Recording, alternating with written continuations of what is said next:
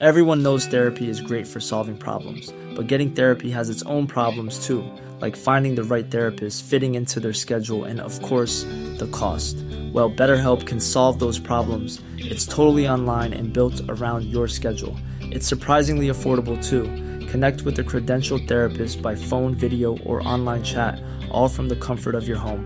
Visit betterhelp.com to learn more and save 10% on your first month.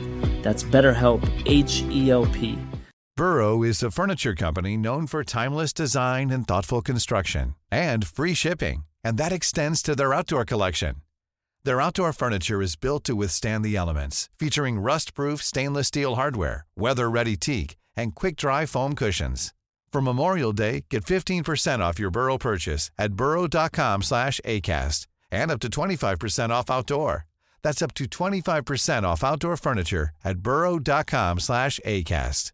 Hey, it's Ryan Reynolds, and I'm here with Keith, co star of my upcoming film, If, only in theaters, May 17th. Do you want to tell people the big news? All right, I'll do it. Sign up now and you'll get unlimited for $15 a month in six months of Paramount Plus Essential Plan on us. Mintmobile.com slash switch. Upfront payment of $45 equivalent to $15 per month. Unlimited over 40 gigabytes per month. Face lower speeds. Videos at 480p. Active Mint customers by 531.24 get six months of Paramount Plus Essential Plan. Auto renews after six months. Offer ends May 31st, 2024. Separate Paramount Plus registration required. Terms and conditions apply if rated PG. Helt siden de første menneskene slo seg ned i Trøndelag, har det blitt observert underlige lys over Hessdalen. Fenomenet har blitt forsøkt bortforklart som syner sett av bygdetullinger og deliriske hallusinasjoner forårsaket av den lokale drikkekulturen. Men det skulle vise seg at fenomenet stakk langt dypere, når Hessdalen-fenomenet fikk verdensomspennende oppmerksomhet i ufo-miljøet på 1980-tallet. Fenomenet er fremdeles der, og det er fremdeles like uforklarlig som den gang. I 2024 kommer en podkastserie i seks deler, produsert av Project Hessdalen, som kanskje en gang for alle skal finne svar på hva som rører seg på himmelen i denne bortgjemte dalen i Trøndelag. Serien har som seg hør og bør fått tittelen A Blaze in the Northern Sky, og den kommer til din favorittpodkastavspiller i 2024.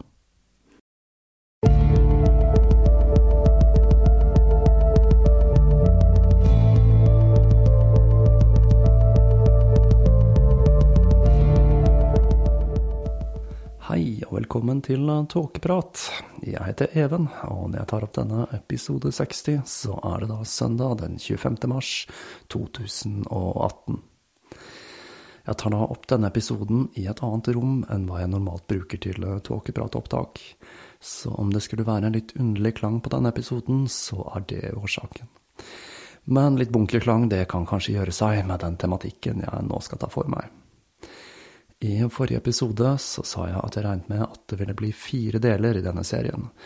Men jeg har da klart å komprimere historien om Hitler og hans personlige lege til én episode. Og nå kommer hva jeg tror blir rosinen i pølsa med denne serien. Dette litt underlige uttrykket, rosinen i pølsa altså, det kommer da fra når man hadde en rosin i enden av blodpølser da man knyttet den igjen. Det var altså det etymologiske hjørnet her i Tåkeprat. Når man ser på hva mannen med barten faktisk fikk i seg av preparatet mot slutten, så blir historien langt mer spennende enn de mange påstandene om at Hitler brukte amfetamin. Vi skal se at Hitlers rusbruk var ganske annerledes og mer kaotisk, og derfor mer uforutsigbart enn det vi fant hos den menige pervitintyggende soldat eller husmor. I slutten av første episode så sa jeg at jeg skulle forsøke å styre unna politikk. Men så har det seg sånn at når jeg jobber med disse seriene, så blir jeg jo ofte litt preget, da. Nei da, jeg har verken begynt å bruke metamfetamin eller blitt nazist, men jeg befant meg plutselig i en situasjon der jeg rett og slett ikke klarte å holde kjeft. Den ruspolitiske debatten er et felt jeg har holdt meg på lang avstand fra i en årrekke, rett og slett fordi den generelle kunnskapen om rus og samfunn i befolkningen har vært så mangelfull at det for meg har virket meningsløst å forsøke å diskutere politikk på dette området. Men det ser jo ut til at de som har valgt å ligge i skyttergravene og kjempe en utmattelseskrig mot presse og politikere, faktisk har vært med på å endre noen holdninger og forestillinger der ute. Så om noen av dere som har orket dette, hører på tåkeprat, så all ære til dere for det. Dere er mer tålmodige mennesker enn hva jeg er. Men så brast stemningen, og jeg måtte rote meg bort i en diskusjon om narkotika, og hjelp. Her er det kanskje viktig å si at dette ikke var en diskusjon på internett, men en samtale med ekte mennesker i den virkelige verden.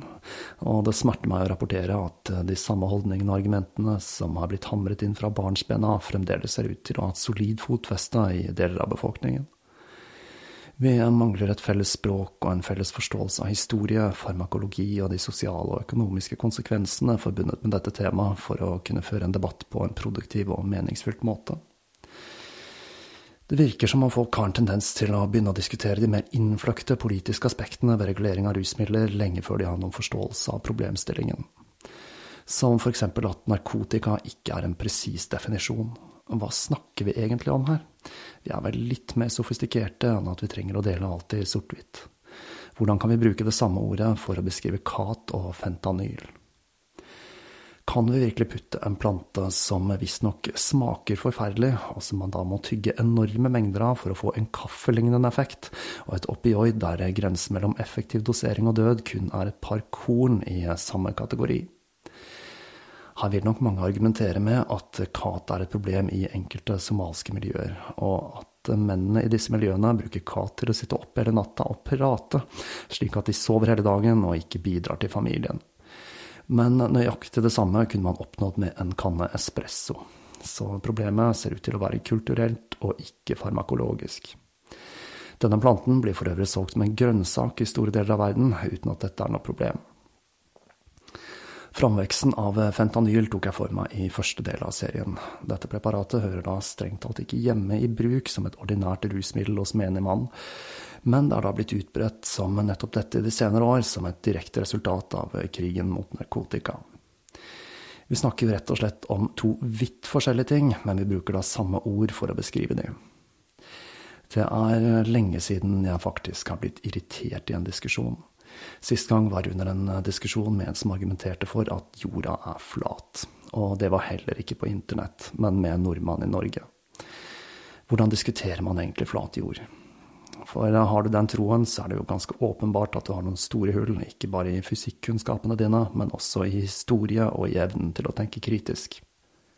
I det tilfellet forsøkte jeg derfor å stille spørsmålene om hvem som står bak, hvordan man har klart å skjule denne hemmeligheten i så lang tid, og ikke minst hva som er motivet. Men på samme måte som med narkotikadebatten, så besto motargumentene av lite gjennomtenkte, ferdig innøvde fraser, og det var like vanskelig å komme gjennom som til de som klamrer seg til en virkelighet basert på et bilde av rusbruk som ligner mer på det Vam og Vennerød viser, enn den virkelige verden. Ikke fordi jeg ikke liker Hva med venner, altså. Jeg er da faktisk en ihuga fan. Blant annet så kan jeg skryte på meg å ha vært på en jubileumsvisning av Adjø solidaritet på Cinemateket for en del år siden, og kjendisopplevelsen var da at jeg satt ved siden av Sossen Krog. Favorittfilmen min, det er Lucky gutten som kunne fly. Jeg er bare glad jeg ikke lever i deres mørke univers. Dette får meg igjen til å tenke at vi har en enorm utfordring når det gjelder utdanning og folkeopplysning, og jeg stiller meg igjen spørsmålet om hvor mye av dette tankegodset, altså innøvde fraser fra krigen mot narkotika, som har funnet veien til maktens korridorer og våre folkevalgte. Her kan det kanskje være på sin plass å gjengi Neil deGrasse Tyson sitt synspunkt på flat jord-folket, nemlig at dette er en fallitterklæring for utdannelsessystemet. Som vi så i forrige episode, så er undervisning og kunnskap en nøkkel også i denne historien. Pervitin ble pumpet ut på markedet som ikke bare et ufarlig, men et faktisk helsefremmende preparat. I kombinasjon med det nasjonalsosialistiske ideal og en stadig hardere hverdag, så førte dette til storstilt misbruk i sivilbefolkningen. Det var altså en kombinasjon av faktorer som utløste dette fenomenet, ikke magiske egenskaper med pervitin. Og helt til slutt, før jeg legger lokket på den diskusjonen, så må jeg si at jeg forventet å få en del hissige tilbakemeldinger etter å ha delt mine synspunkter med så mange mennesker. Men eh, de negative tilbakemeldingene, de har uteblitt. Og som så mange andre positive erfaringer jeg har fått fra å drive tåkeprat, så gjør dette meg litt mer håpefull med tanke på vår felles fremtid. Kanskje vi en dag kan leve i et samfunn styrt av en felles forståelse, basert på noe bedre enn hva vi har nå. Uten stammetilhørighet og med gjensidig respekt for våre medmennesker i et forsøk på å bedre oss selv og de rundt oss. Kanskje. Eller for å sitere Terence McKenna, There is an angel within the monkey struggling to get free, and this is what the historical crisis is all about. Jeg må vel dekke livet til Terence en vakker dag, og for få, om noen personer, er så siterbare som den mannen der. Men eh, nå skal vi altså tilbake til krigen, og i denne episoden skal jeg se litt nærmere på et av de mest myteomspunnede fenomenene i denne fortellingen, nemlig Adolf Hitlers bruk av rusmidler. Og dette er en fortelling som er langt mer interessant enn det virker ved første øyekast.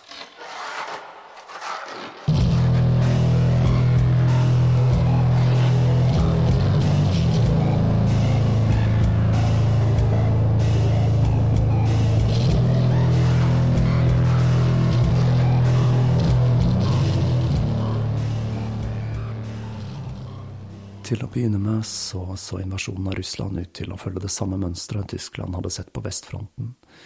I det store slaget Viasma i Ukraina så tok tyskerne hele 670 000 soldater fra Den røde armé til fange, og seieren så ut til å være innen rekkevidde. Men tyskerne hadde spredt angrepet sitt for vidt og brukte for mye ressurser på forskjellige fronter. Når oktober kom, så begynte hæren å slite med dårlig vær og framkommelighet. Hitler reagerte med å gå midt imot rådet til generalene om å trekke hæren tilbake, og den 16. desember ga han ordren om å holde linjene for enhver pris. I denne første vinteren på østfronten skulle Tyskland lide store tap. Uten å være utstyrt for vinterkrig og kun med sporadiske forsyninger fra flydropp, ble pervitin ikke lenger brukt for å gi et strategisk overtak, men for å overleve. Soldatene som utmattet la seg ned i snøen for å dø, ble gitt pervitin for å kunne fortsette å marsjere. Selv om flere nå begynte å mistenke at en seier ikke ville være mulig, så ville ikke Hitler høre på det øret. Og for å gjøre situasjonen enda verre, så erklærte Tyskland krig mot industrigiganten USA i desember 1941, fire dager etter angrepet på Pearl Harbor. Like etter, i januar 1942, på Wannsee-konferansen i Berlin, ble frøet for endeløsning der Judenfrage, eller den endelige løsningen, sådd. Planen var å deportere alle jøder i de okkuperte territoriene til utryddelsesleirer. Villaen hvor denne fatale konferansen ble holdt, er i dag et holocaustmuseum. I 1942 byttet Hitler base igjen. Han opprettet et nytt hovedkvarter et par kilometer utenfor Vinytsia, en liten by i Vest-Ukraina. Denne lille samlingen med hytter i skogen fikk navnet Werwolf, eller Varulv. Morell var alltid ved Hitlers side i denne perioden, selv i militære møter der han strengt talt ikke hadde noe å gjøre. Hitler ble stadig mer uberegnelig og tilbaketrukket. Han holdt seg i hytten sin og gikk ikke ut før etter mørkets frambrudd, noe som var ganske passende med tanke på navnet til hovedkvarteret. Han hadde mer eller mindre gitt opp de offentlige talene som hadde gitt han så mye energi, og den gode følelsen den fikk han nå kun av Morells injeksjoner. I sommeren 1942 ble bruken så omfattende at Morell måtte legge inn en spesialbestilling på kanyler fra Engel apotek i Berlin. Både helsen til føreren og hans rike var i ferd med å synke ned i en skyggedal. Morell utvidet businessen sin. Han fikk kjøpe den største matoljefabrikken i det tidligere Tsjekkoslovakia, Haikorn i Moravia, som da hadde blitt konfiskert fra sine tidligere eiere, som var jøder. Morell fikk denne fabrikken for en latterlig lav pris, som med sine tusen ansatte ble hovedproduksjonsfasilitetene for produktene hans. Her produserte han da annet et lusepulver, Rusla, som han da hadde utviklet selv, og som i stor grad var uten virkning. Men av hans innflytelse var det påbudt å bruke i Wehrmacht. Hovedfokuset hans det var da vitamin- og hormonpreparater, og Morell han var alltid på jakt etter nye råstoffer. Åtte kilometer fra Varulv i Venezia lå et enormt moderne slakteri bygget av amerikanske ingeniører like før utbruddet av krigen. Dette moderne, helautomatiske slakteriet fanget Morells interesse, og han så muligheten for å tjene store penger på å lage hormonpreparater av dyrekjertler og innvoller. Og med litt hjelp fra den ukrainske rikskommissæren Erik Koch, som da hadde kallenavnet Lille Stalin pga. sin brutalitet, så fikk han grønt lys til å bruke slakteavfallet til produksjon av hormonpreparater. Morell svingte seg rundt og etablerte et ukrainsk firma for produksjon og eksport av legemidler. Men han var ikke fornøyd med bare det, og begynte straks da å se etter muligheten for å ekspandere driften til flere deler av det okkuperte øst, annet i Kharkov i Øst-Ukraina. Den fjerde største byen i Sovjet, hvor innbyggertallet hadde blitt redusert fra 1,5 million til 190 000 etter nazistenes herjinger. Innbyggerne hadde blitt kastet ut av balkonger og hengt i trappeoppganger. Byen hadde også sett sin del av jødeutryddelsene, og SS Sonderkommando 4A av Einsatzgruppe C hadde sammen med Orp bataljon 314 henrettet 15 000 jøder der, inkludert kvinner og barn. Men eh, dette virket ikke avskrekkende på Morell. Tvert imot. Han så på dette som en god forretningsmulighet, og da han oppdaget at det var et endokrinologisk institutt i byen som da spesialiserte seg på behandling av kjertler, så ble han i fyr og flamme. Dette instituttet ble overført til Morell, og en ordre gikk ut til slakteriet om at alle organer skulle fryses og transporteres rett til Morell og hans hormonfabrikk. Men dessverre for Morell så gikk planen i vasken da Den røde armé gjenokkuperte byen i 1943, og han måtte flytte produksjonen tilbake til det okkuperte Tsjekkoslovakia. Og da ble utfordringen logistikk. Han måtte nemlig transportere alle dyreorganene 1000 km for å behandle de i sine fasiliteter. Han brukte da sin tittel som Hitlers personlige lege for alt den var verdt, og satte himmel og jord i bevegelse for å transportere de til fabrikken. Dette førte til at Morell overkjørte den stående ordren om at all transport kun skulle brukes til forsyninger av sårede soldater. Han gikk heller ikke av veien for å bruke tvangsarbeid for å holde organflyten gående. Blant utvalget av organer så fant vi ting som grisemager, oksetestikler, livmorer og ikke minst levra, som var spesialiteten hans. Her må jeg si at jeg sleit litt med bøyingen av livmor. For meg så var det da logisk med livmødre. Men dette hørtes jo egentlig litt rart ut, og etter noen kjappe nettsøk som da ledet meg til kvinneguiden.no, så har jeg da kommet fram til at det er livmorer som er riktig. Dette er nok eh, ikke en problemstilling jeg ville snublet over hadde det ikke vært for tåkeprat, og jeg er vel litt usikker på om det å kunne den riktige flertallsformen for livmor er noe jeg kommer til å dra stor nytte av i dagliglivet. Men ettersom krigen skred frem og logistikken ble vanskeligere, så kunne det ta inntil tre uker for organene å komme frem til fabrikken, og mange av de råtnet før de ankom. Men dette forhindret ikke at de ble prosessert og brukt i preparatene. Organene ble behandlet ved å koke de ned sammen med aceton og metylalkohol til det ble en tyktflytende væske som ble blandet ut med vann og puttet i ampuljer for injeksjon. Det høres vel ikke så fryktelig fristende ut å bli injisert med Morells organmiksturer. I 1940 så hadde det blitt vedtatt et forbud mot innføringen av nye legemidler av krigen. Men Morell han klarte da å unngå dette forbudet ved å kontakte rikets helsefører, Leo Conti, og fortelle at føreren hadde autorisert han til å administrere de nye preparatene i førerens stab, og at preparater som hadde blitt brukt der, fritt kunne slippes på det tyske markedet. Slå den, du. Med dette så ble Morells svært tvilsomme preparater sluppet løs i et Tyskland i krise.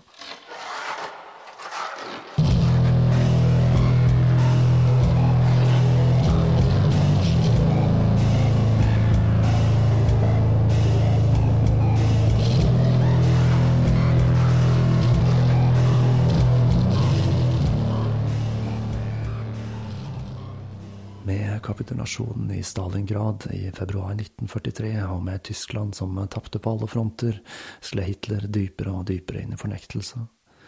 Han trakk seg tilbake til Ulvehiet, hvor han levde en mer og mer isolert tilværelse.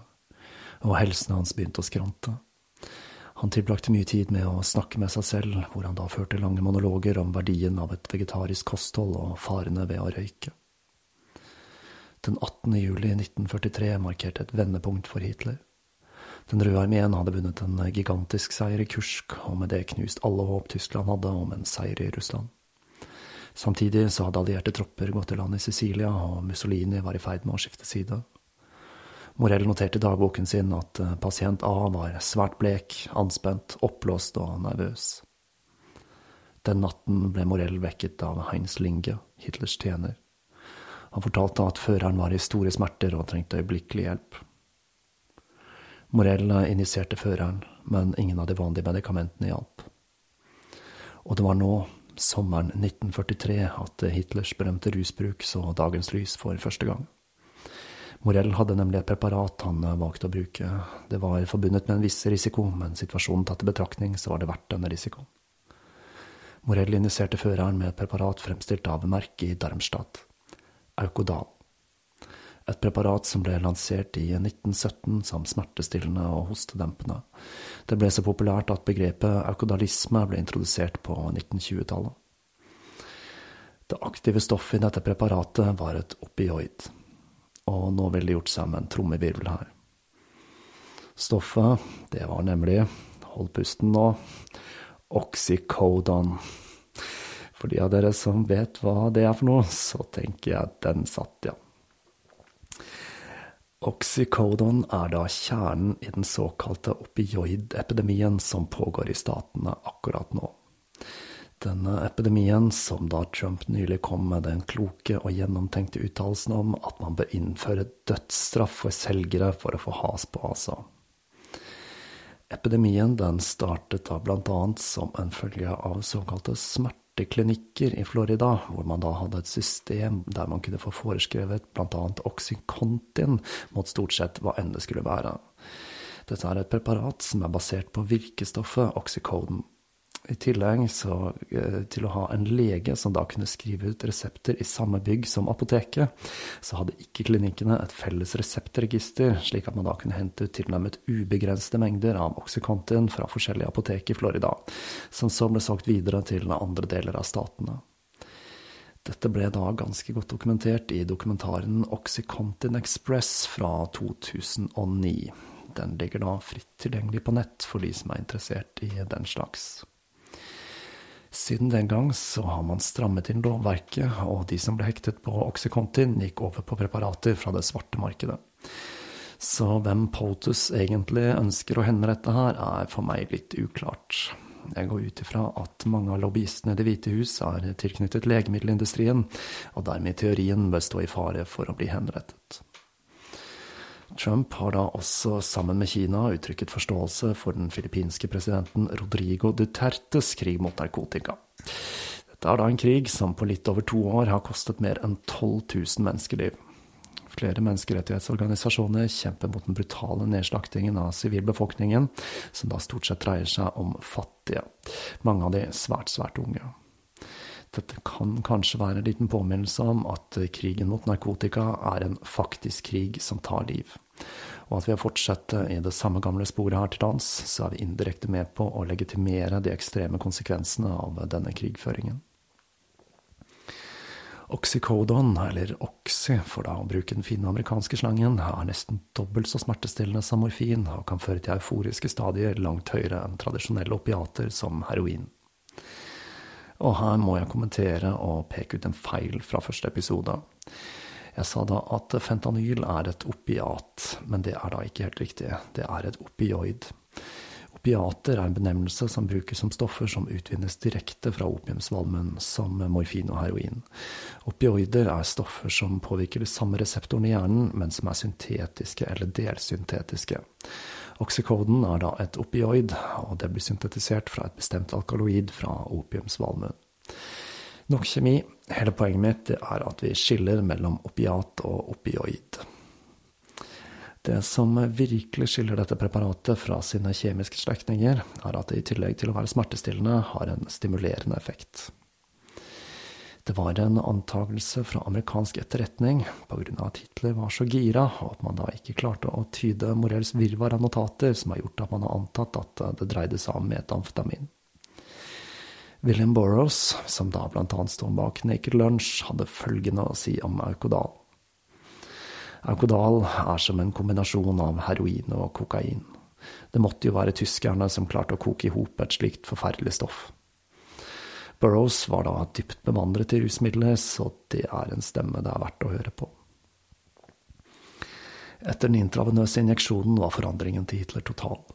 Hans eh, nye energi og sprudlende humør fikk staben hans til å trekke et lettelsens sukk, mens han entusiastisk begynte å forberede seg på møtet med Mussolini. Så bra var humøret hans at eh, han spurte om Morell ikke kunne sette en dose til. Legen nektet først, og tilbød han heller en skje med olivenolje og litt massasje, Men da Hitler insisterte, så satte han enda en dose, denne gangen intramuskulært. En rapport fra Secret Service bekrefter Hitlers tilstand på møtet. Hitler var spinnvill. Han snakket ustoppelig i tre timer, og Mussolini, som hadde tenkt å overbevise Hitler om at det kanskje var best at Italia trakk seg ut av krigen, fikk da ikke inn et eneste ord. Og i den klamme stemningen med den gira Hitler, så ble det til at Italia ville fortsette alliansen.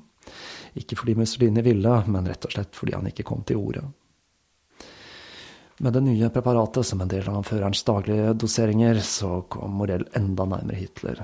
Han forlot aldri hans side og Morell begynte nå også å tjene betydelige mengder penger på de ulike produktene sine, og igjen så vurderte han å ekspandere. Denne gangen innen opium. Opium var nemlig begynt å bli en mangelvare. Etter Romerlis nederlag i Afrika så hadde de mistet forsyningen med råopium fra Marokko, og forsyningene var nå svært begrenset. I riket så hadde man nå begynt å forsøke å fremstille helsyntetiske alternativer, for morfin var blitt en nøkkel til krigføring. Et preparat som var i utviklingsfasen, var polamidon, eller metadon. Yes, kjemikere i Nazi-Tyskland sto da også bak metadon, et opioid som i dag er kjent som et rusmiddel til bruk mot rusavhengighet. Jeg skal da ikke komme med noen videre kommentarer til akkurat det, utover at dette da har en del historiske paralleller. Morell kjøpte et legemiddelfirma i Riga, som hadde et stort lager av opium og morfin. Fram til nå hadde han nemlig kjøpt Aukodal til pasient A fra Engel apotek i Berlin, men de hadde begynt å kreve at handelen med Morell skulle loggføres i henhold til narkotikaloven. Så Morell han var på utkikk etter en anonym leverandør til sin pasient. I sin vindusløse bunker begynte Hitler nå å unne seg injeksjoner som lettet den tunge situasjonen. I Morells notater så finner vi i tillegg til der han skriver rett ut Aukodal, flere mystiske x-er i margen, samt den merkelige beskrivelsen injeksjon som vanlig. Noe som er litt underlig med tanke på at føreren fikk flere dusin med injeksjoner ukentlig. Man går ut ifra at iallfall en del av disse underlige benevnelsene refererer til Aukodal og at denne kodingen var en måte å skjule bruken når Morell skulle havne i søkelyset til Gestapo, eller notatene skulle havne i de alliertes hender. I denne perioden finner vi flere eksempler der hvor Hitler tilsynelatende var i storform. Både Goebbels og Koch bemerker at Hitler ved flere anledninger var så full av energi at de selv ble smittet av hans entusiasme.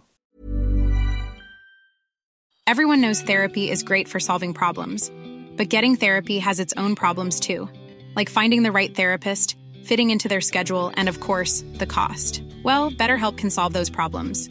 It's totally online and built around your schedule. It's surprisingly affordable too. Connect with a credentialed therapist by phone, video, or online chat, all from the comfort of your home. Visit betterhelp.com to learn more and save 10% on your first month. That's BetterHelp H E L P. Hiring for your small business? If you're not looking for professionals on LinkedIn, you're looking in the wrong place. That's like looking for your car keys in a fish tank.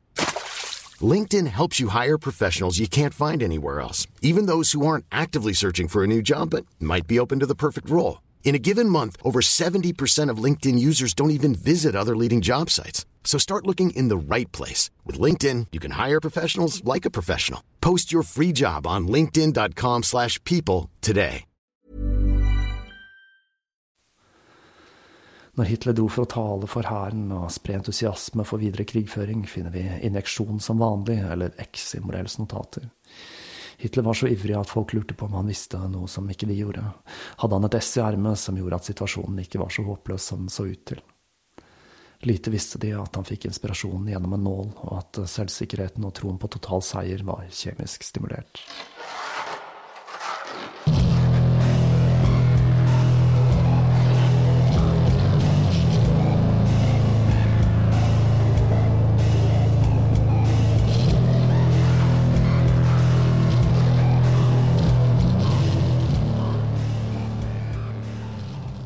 Voldsomme tempoet og energien til føreren gjorde også at de rundt ham var nødt til å ta preparater for å klare å holde tritt med de endeløse møtene med Hitler. Og her var pervitin en absolutt favoritt. Livet i ulvehiet begynte nå å minne om en slags underlig ruskult. Det er jo en god idé til et navn til en B-film, låt eller lignende. Det er Nazi Drug Cult, altså. Morell hadde nå fått enda en pasient, pasient B, Eva Braun. Hun var langt lettere å behandle enn pasient A, da hun krevde de samme preparatene som føreren. Morell gjorde akkurat dette, men han byttet da ut testosteronpreparatene med medikamenter som stoppet menstruasjonen, slik at hun og Hitler skulle ha muligheten til å ha sex når anledningen bød seg. Sexlivet til Adolf Hitler er da enda et av disse kontroversielle og mye omtalte emnene. Men jeg har da ikke tenkt til å bi meg inn på det minefeltet her, jeg har da nok kontroversielle ting å ta meg som det er. Til tross for at Tyskland var i ferd med å tape krigen, fremsto føreren og hans verden som et postkort. Eva hadde lært å filme av riksfotograf Heinrich Hoffmann, og de klassiske filmsnuttene hennes fra Berghoff gir fremdeles et inntrykk av en avslappet og hverdagslig atmosfære i Hitlers vakre feriehus i Alpene. Etter å ha jobbet med denne serien, så tok jeg igjen en kikk på disse gamle filmene, som i dag ligger tilgjengelig på YouTube. Og jeg må jo si det var litt ekstra spesielt å se disse etter å ha kommet litt nærmere inn på personene i arbeidet med disse episodene. Jaggu tror jeg ikke jeg så Morell tusle rundt i bakgrunnen der, altså. Som jeg nevnte i Døtre, så var jeg selv i ruinen av Berghof i 2011. Og det er svært underlig å gå der blant villblomstene i dette fantastiske maleriske landskapet og tenke på hva som foregikk der den gangen dette var hjertet av hakekorsets imperium. Men bak fasaden og Evas filmer var ting begynt å falle fra hverandre. Hittet var begynt å skjelve, og Morell begynte å bli utslitt, for alle oppsøkte han for å bli behandlet med hans mirakelkurer. Det ble sett på som status å bli behandlet av førerens personlige lege. Listen over personer som ble behandlet av Morell, den er lang, så jeg skal ikke ta med alle her. Men den inkluderte da flere svært høyerestående partimedlemmer, og til og med den japanske ambassadøren, og ikke minst Leni Riefenstahl, som da fikk morfinkluster av denne tvilsomme figuren. Leni har jeg jo omtalt her i Tåkeprat tidligere. Hun var altså en av de mest banebrytende regissørene i det 20. århundret, men av sin tilknytning til nazistene så har hun aldri fått sin rettmessige plass i filmhistorien. Jeg må si jeg vurderer en serie om livet hennes en dag, for eh, dette er en historie med mange fasetter, og som er vanskelig å male i svart-hvitt. Bursdagen til Hitler i 1944 startet med en injeksjon med X, Vitamultin forte, kamfer og en blodtrykksmedisin. Og etter middagen fikk føreren magekramper, som ble lettet med en injeksjon med Aukodal. På D-dagen, når de allierte troppene gikk i land i Normandie den 6. juni 1944, var Hitler i et svært oppskjørtet humør før Morell ga han en injeksjon Aukodal. Etter dette så nøt han det fine været og klappet alle han møtte jovialt på skulderen og kom med noen oppmuntrende ord. Etter lunsj så begynte han en av sine lange monologer, denne gangen om elefanter og hvordan de var de sterkeste landdyrene, til tross for at de var vegetarianere, slik som han, mens Morell forberedte sin neste injeksjon laget av dyreorganer. Når kvelden kom, så, inn, så, så, nektet Hitler å innse at de allierte hadde invadert. Han trodde det hele måtte dreie seg om en avledningsmanøver, på samme måte som den Tyskland hadde utført i Belgia før invasjonen av Frankrike. Men sannheten var at eh, nå var det ingen vei tilbake, løpet var kjørt for Det tredje riket. Men det var én ting som muntret Hitler opp den dagen. Goebbels hadde sluttet å røyke. Den 14. juli 1944 forlot føreren Berghoff for siste gang. Tilbake i Ulvehiet så hadde Goebbels begynt å røyke igjen. Den 20. juli 1944 fikk føreren en injeksjon av X klokka 11.14.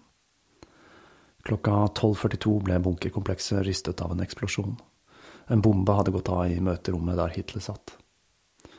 Dette attentatforsøket, som er kjent som Operasjon Valkyria, ble utført av en gruppe konspiratører, annet Klaus von Staffenberg, i et forsøk på å styrte nazistene fra makten.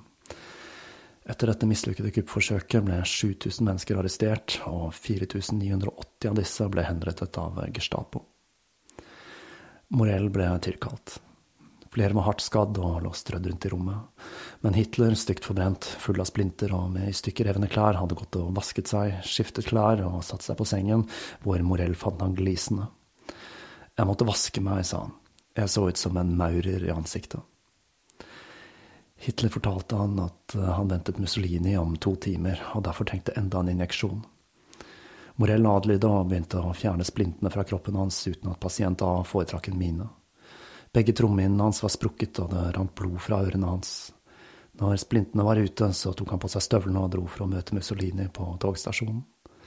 Den italienske statslederen ble mektig imponert over den tilsynelatende oppegående føreren, som var så lystig til tross for akkurat å ha blitt utsatt for et attentatforsøk. Sannheten var at Hitler var langt mer skadd enn hva han først ga inntrykk av. Han hadde nesten fullstendig mistet hørselen og var plaget av store smerter i bein og armer. Og nå så Morell seg nødt til å intensivere bruken av Aukodal. På grunn av de omfattende skadene på trommehinnene så ble en lokal øre-nese-hals-spesialist tilkalt, doktor Ervin Giesing. Og når han behandlet skadene til pasienten med syre, så ble han imponert over Hitlers evne til å tåle smerte. Føreren skrøt at han ikke kjente smerte lenger, og at smerte kun var et verktøy for å hardne mannen. Morell mislikte Giesing umiddelbart, og følelsen den var gjensidig. De to utvekslet ikke informasjon om hvilke preparater de behandlet føreren med, for Gising hadde nemlig sin egen favoritt til lokalbedøvelse – kokain. Dette er nok ikke så spesielt som det kan høres ut for noen. Kokain er da et svært effektivt lokalbedøvelsesmiddel, og blant tannleger i dag så er preparatet xylokain, som da er en blanding av en syntetisk variasjon av kokainmolekylet, lidokain og adrenalin, et av de mest brukte lokalbedøvelsesmidlene. I perioden mellom 22. juli og 7. oktober 1944 ble Hitler behandlet med dette beryktede jødiske rusmiddelet mer enn 50 ganger. Hitler uttrykte takknemlighet for denne nye behandlingen, og sa at kokain fikk han til å føle seg lettere og mindre bekymret. Doktoren forklarte at dette skyldtes den medisinske effekten på hevelsene på slimhinnen i nesa, og at han fikk rensket opp luftveiene. Selv etter behandlingen var ferdig, så forespurte Hitler om å bli behandlet med kokain et par ganger om dagen. Men han var da litt bekymret og spurte om dette ville gjøre han avhengig. Men legen han kunne berolige han med at eh, kokainavhengige sniffet det tørre pulveret, og at det å få en løsning med kokain i nesen, det var en helt annen sak. Dette får meg da til å tenke på hva som skjedde i USA under den såkalte crack-epidemien, hvor man da begynte å straffe bruken av crack 18 ganger hardere enn den av kokain. Og hva er egentlig den farmakologiske forskjellen på crack og kokain? Den er ikke-eksisterende. Vi snakker om to ulike stadier av det nøyaktig samme stoffet. Pulverkokain er da et salt, og krakk er kokainfri base. Man lager da denne fribasen slik at stoffet kan røykes, og i denne formen så er det også vanlig å selge det i mindre kvanta, slik at det er lettere tilgjengelig for fattige. Dette preparatet ble da rasende populært i primært eh, fattige, svarte miljøer i statene, og siden det var lettere å straffe unge afroamerikanske menn enn pampene på Wall Street, så innførte man da dette ekstremt ujevne juridiske tiltaket for å få has på problemet.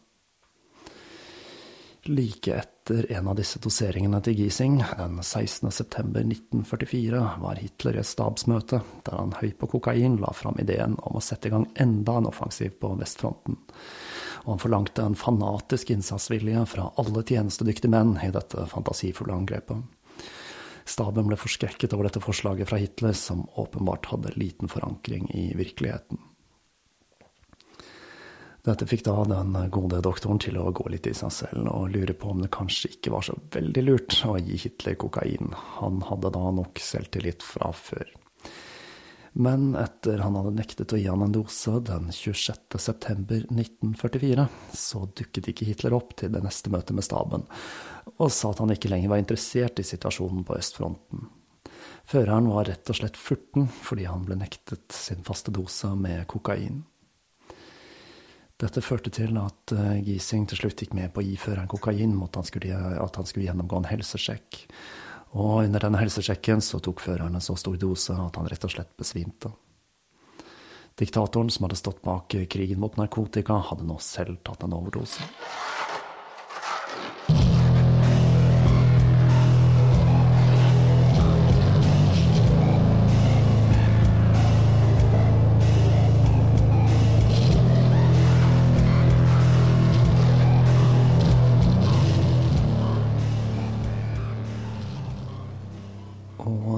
hadde også doseringen med Økodal økt til 0,02 gram, det dobbelte av en vanlig medisinsk dose. Morell blandet nå også Økodalen med Eipaverin, et eh, syntetisk muskelavslappende preparat, og føreren ble injisert med denne cocktailen ca. hver andre dag. Hitlers rusbruk rullerte altså mellom en rekke forskjellige preparater. Men flere var skeptiske til Morells nære forhold til føreren, og så en sammenheng mellom doktoren og Hitlers åpenbart skrantende helse, framskyndt aldring, askegrå hud og skjelvinger. Morell ble annet beordret av Bormann å dokumentere alle medikamenter han planla å gi føreren på en månedlig basis. Og hva gjorde Morell med dette? Vel, han overså da rett og slett hele greia. Som Hitlers personlige lege så følte han seg nå uovervinnelig. Giesing forsøkte også å rydde Morell av veien.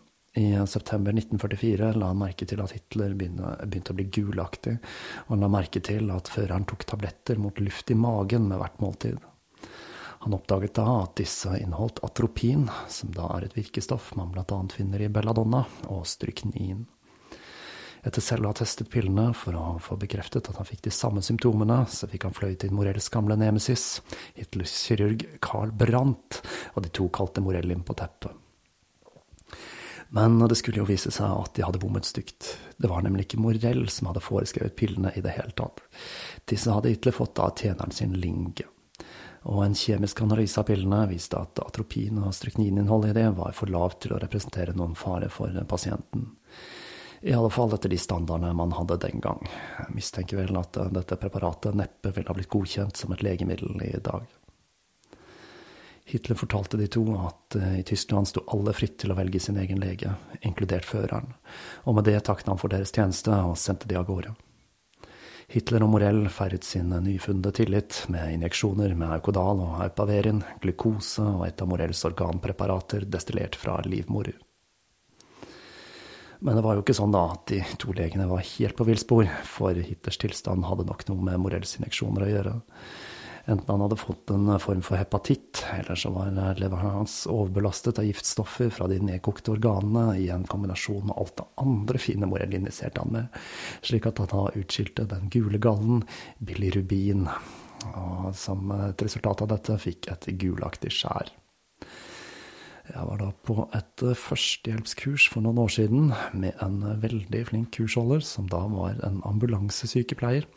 Og jeg glemmer da ikke hvordan hun sa at eh, dette fenomenet, altså gule øyne pga. overbelastet lever, er noe man da gjerne så blant nattens glade gutter. Jeg vet da ikke helt om den betegnelsen passer så veldig godt på pasient A. Nå skulle Hitler ta isolasjon til nye høyder. For å beskytte seg mot attentatforsøk så flyttet han inn i en ny superbunker i Ulvehia den 8. november 1944. Der de vanlige bunkerne hadde to meter med betongtak og vegger, så hadde den sju meter. Og denne bunkeren den minnet da mer om et gravkammer og hadde ingen direkte lufttilførsel.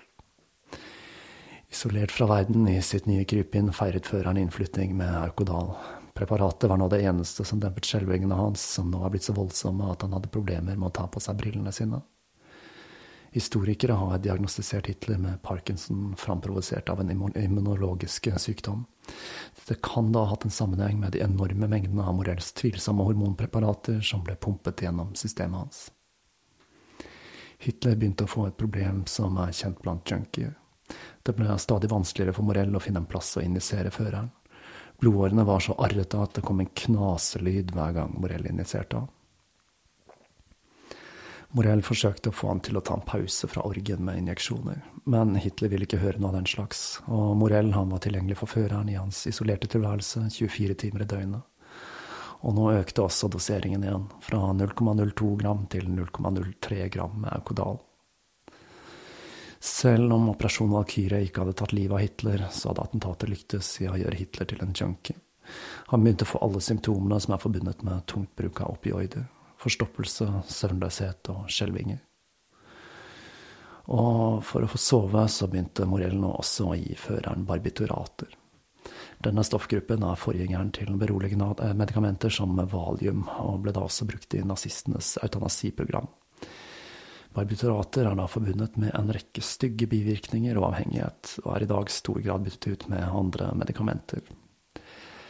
I tillegg til Aukodal, barbiturater, kokain og hormoner, så ble nå god gammeldags morfin introdusert inn i miksen som lite Hitler, mens han fortsatte å planlegge sin fullstendig urealistiske andre offensiv i vest. I den siste delen av krigen begynte tyskerne å gripe etter halmstrå. Et av de artigste eksemplene på dette var miniubåtene. Fra total dominans med sin ubåtflåte så var Dönitz og hans marine nå i knestående. De nye småubåtene, som gikk under betegnelsen «K-ferbande» var under kontrollen til en offiser som het Helmut Haie. Dette var små to- eller enmanns farkoster som skulle da snike seg inn på allierte skip for å torpedere de, og de måtte tilbringe flere dager under vann for å kunne utføre disse selvmordsoppdragene. Den kanskje morsomste av disse farkostene var en enmannsubåt, som da hadde det litt politisk ukorrekte navnet Neger. Det var da et ordspill på han som hadde konstruert farkosten, som het Rikard Mor. Og da tok man mor som i maurer, altså.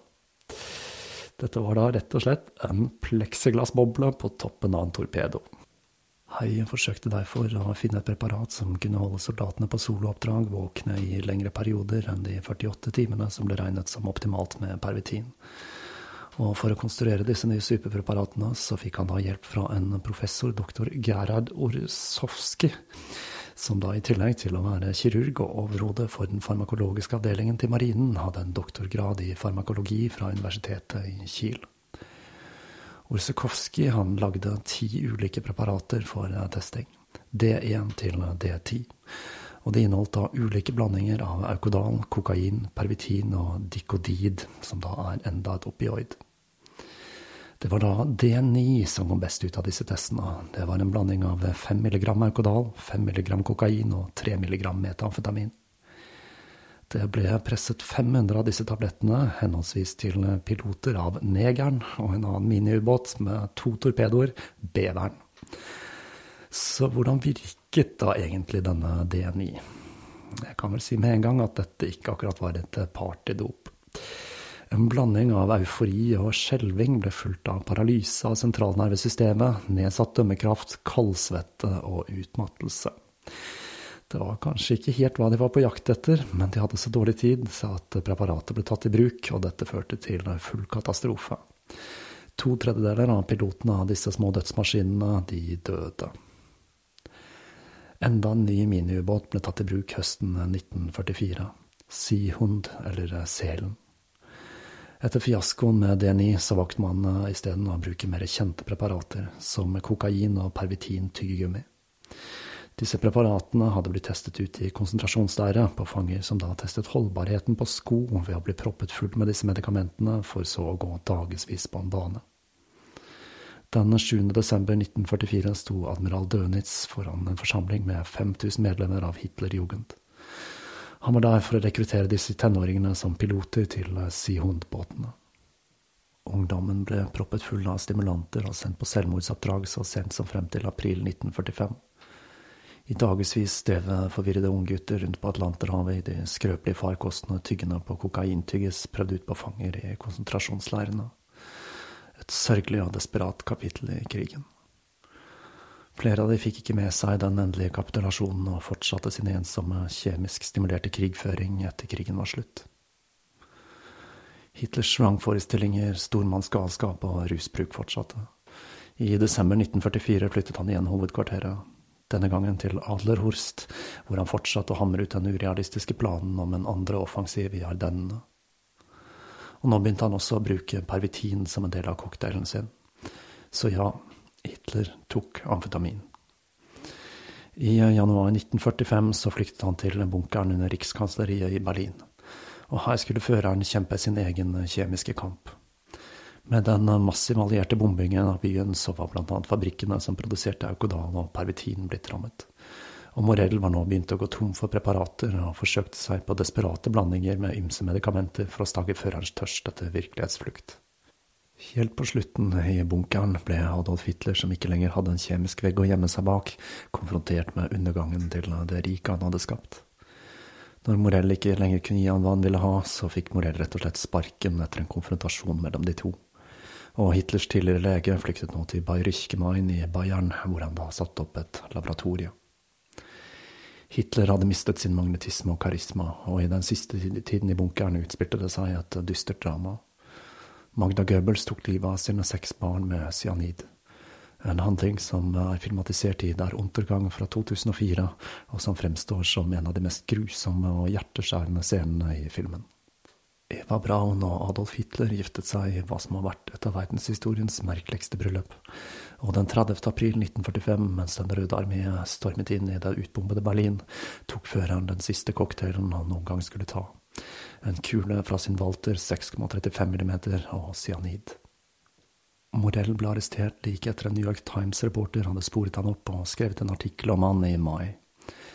I de neste to årene så satt han fengslet og ble avhørt, men man fikk så å si ingenting ut av han, og sommeren 1947 ble han sluppet fri ved sentralbanestasjonen i München. Med sine loslitte klær og uten sko var det lite som tydet på at denne mannen en gang hadde vært førerens personlige lege, og en halvt jødisk Røde Kors-sykepleier forbarmet seg over han og la han inn på et sykehus i Tegernsee, hvor han døde den 26. mai 1948.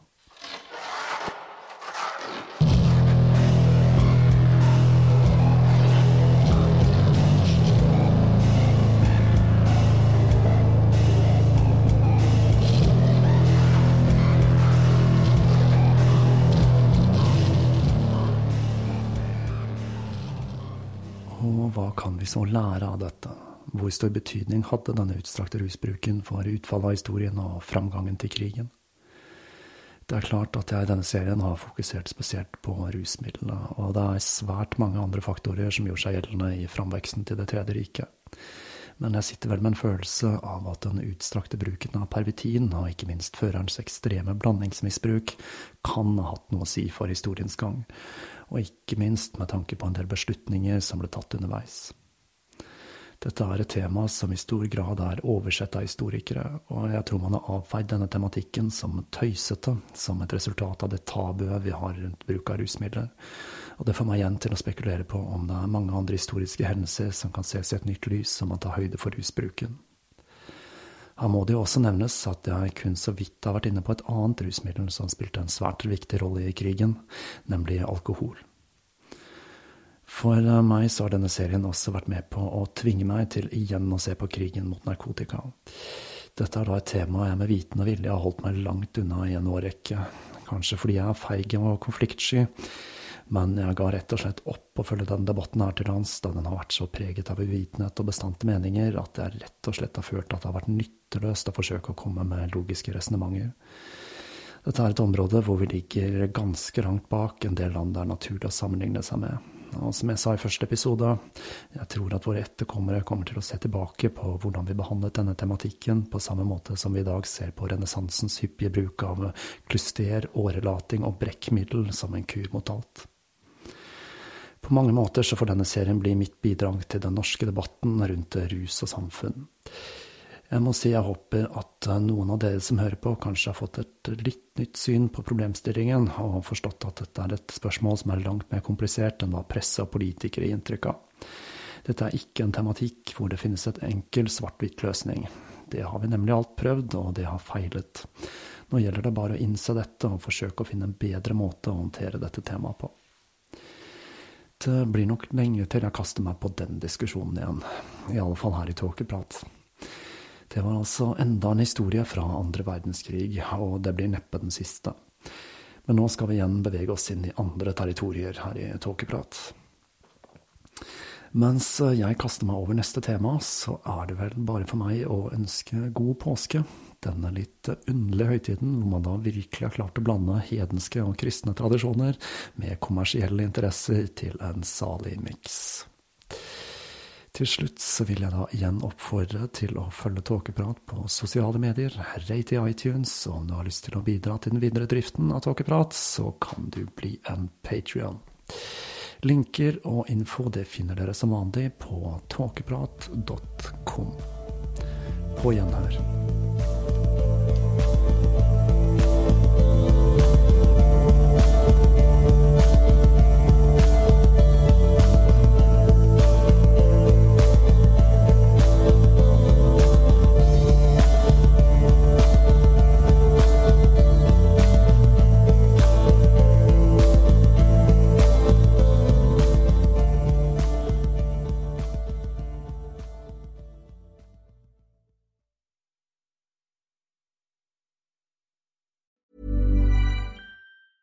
Planning for your next trip? Elevate your travel style with Quince. Quince has all the jet setting essentials you'll want for your next getaway, like European linen, premium luggage options, buttery soft Italian leather bags, and so much more. And is all priced at 50 to 80% less than similar brands. Plus, Quince only works with factories that use safe and ethical manufacturing practices. Pack your bags with high-quality essentials you'll be wearing for vacations to come with Quince. Go to quince.com slash pack for free shipping and 365-day returns.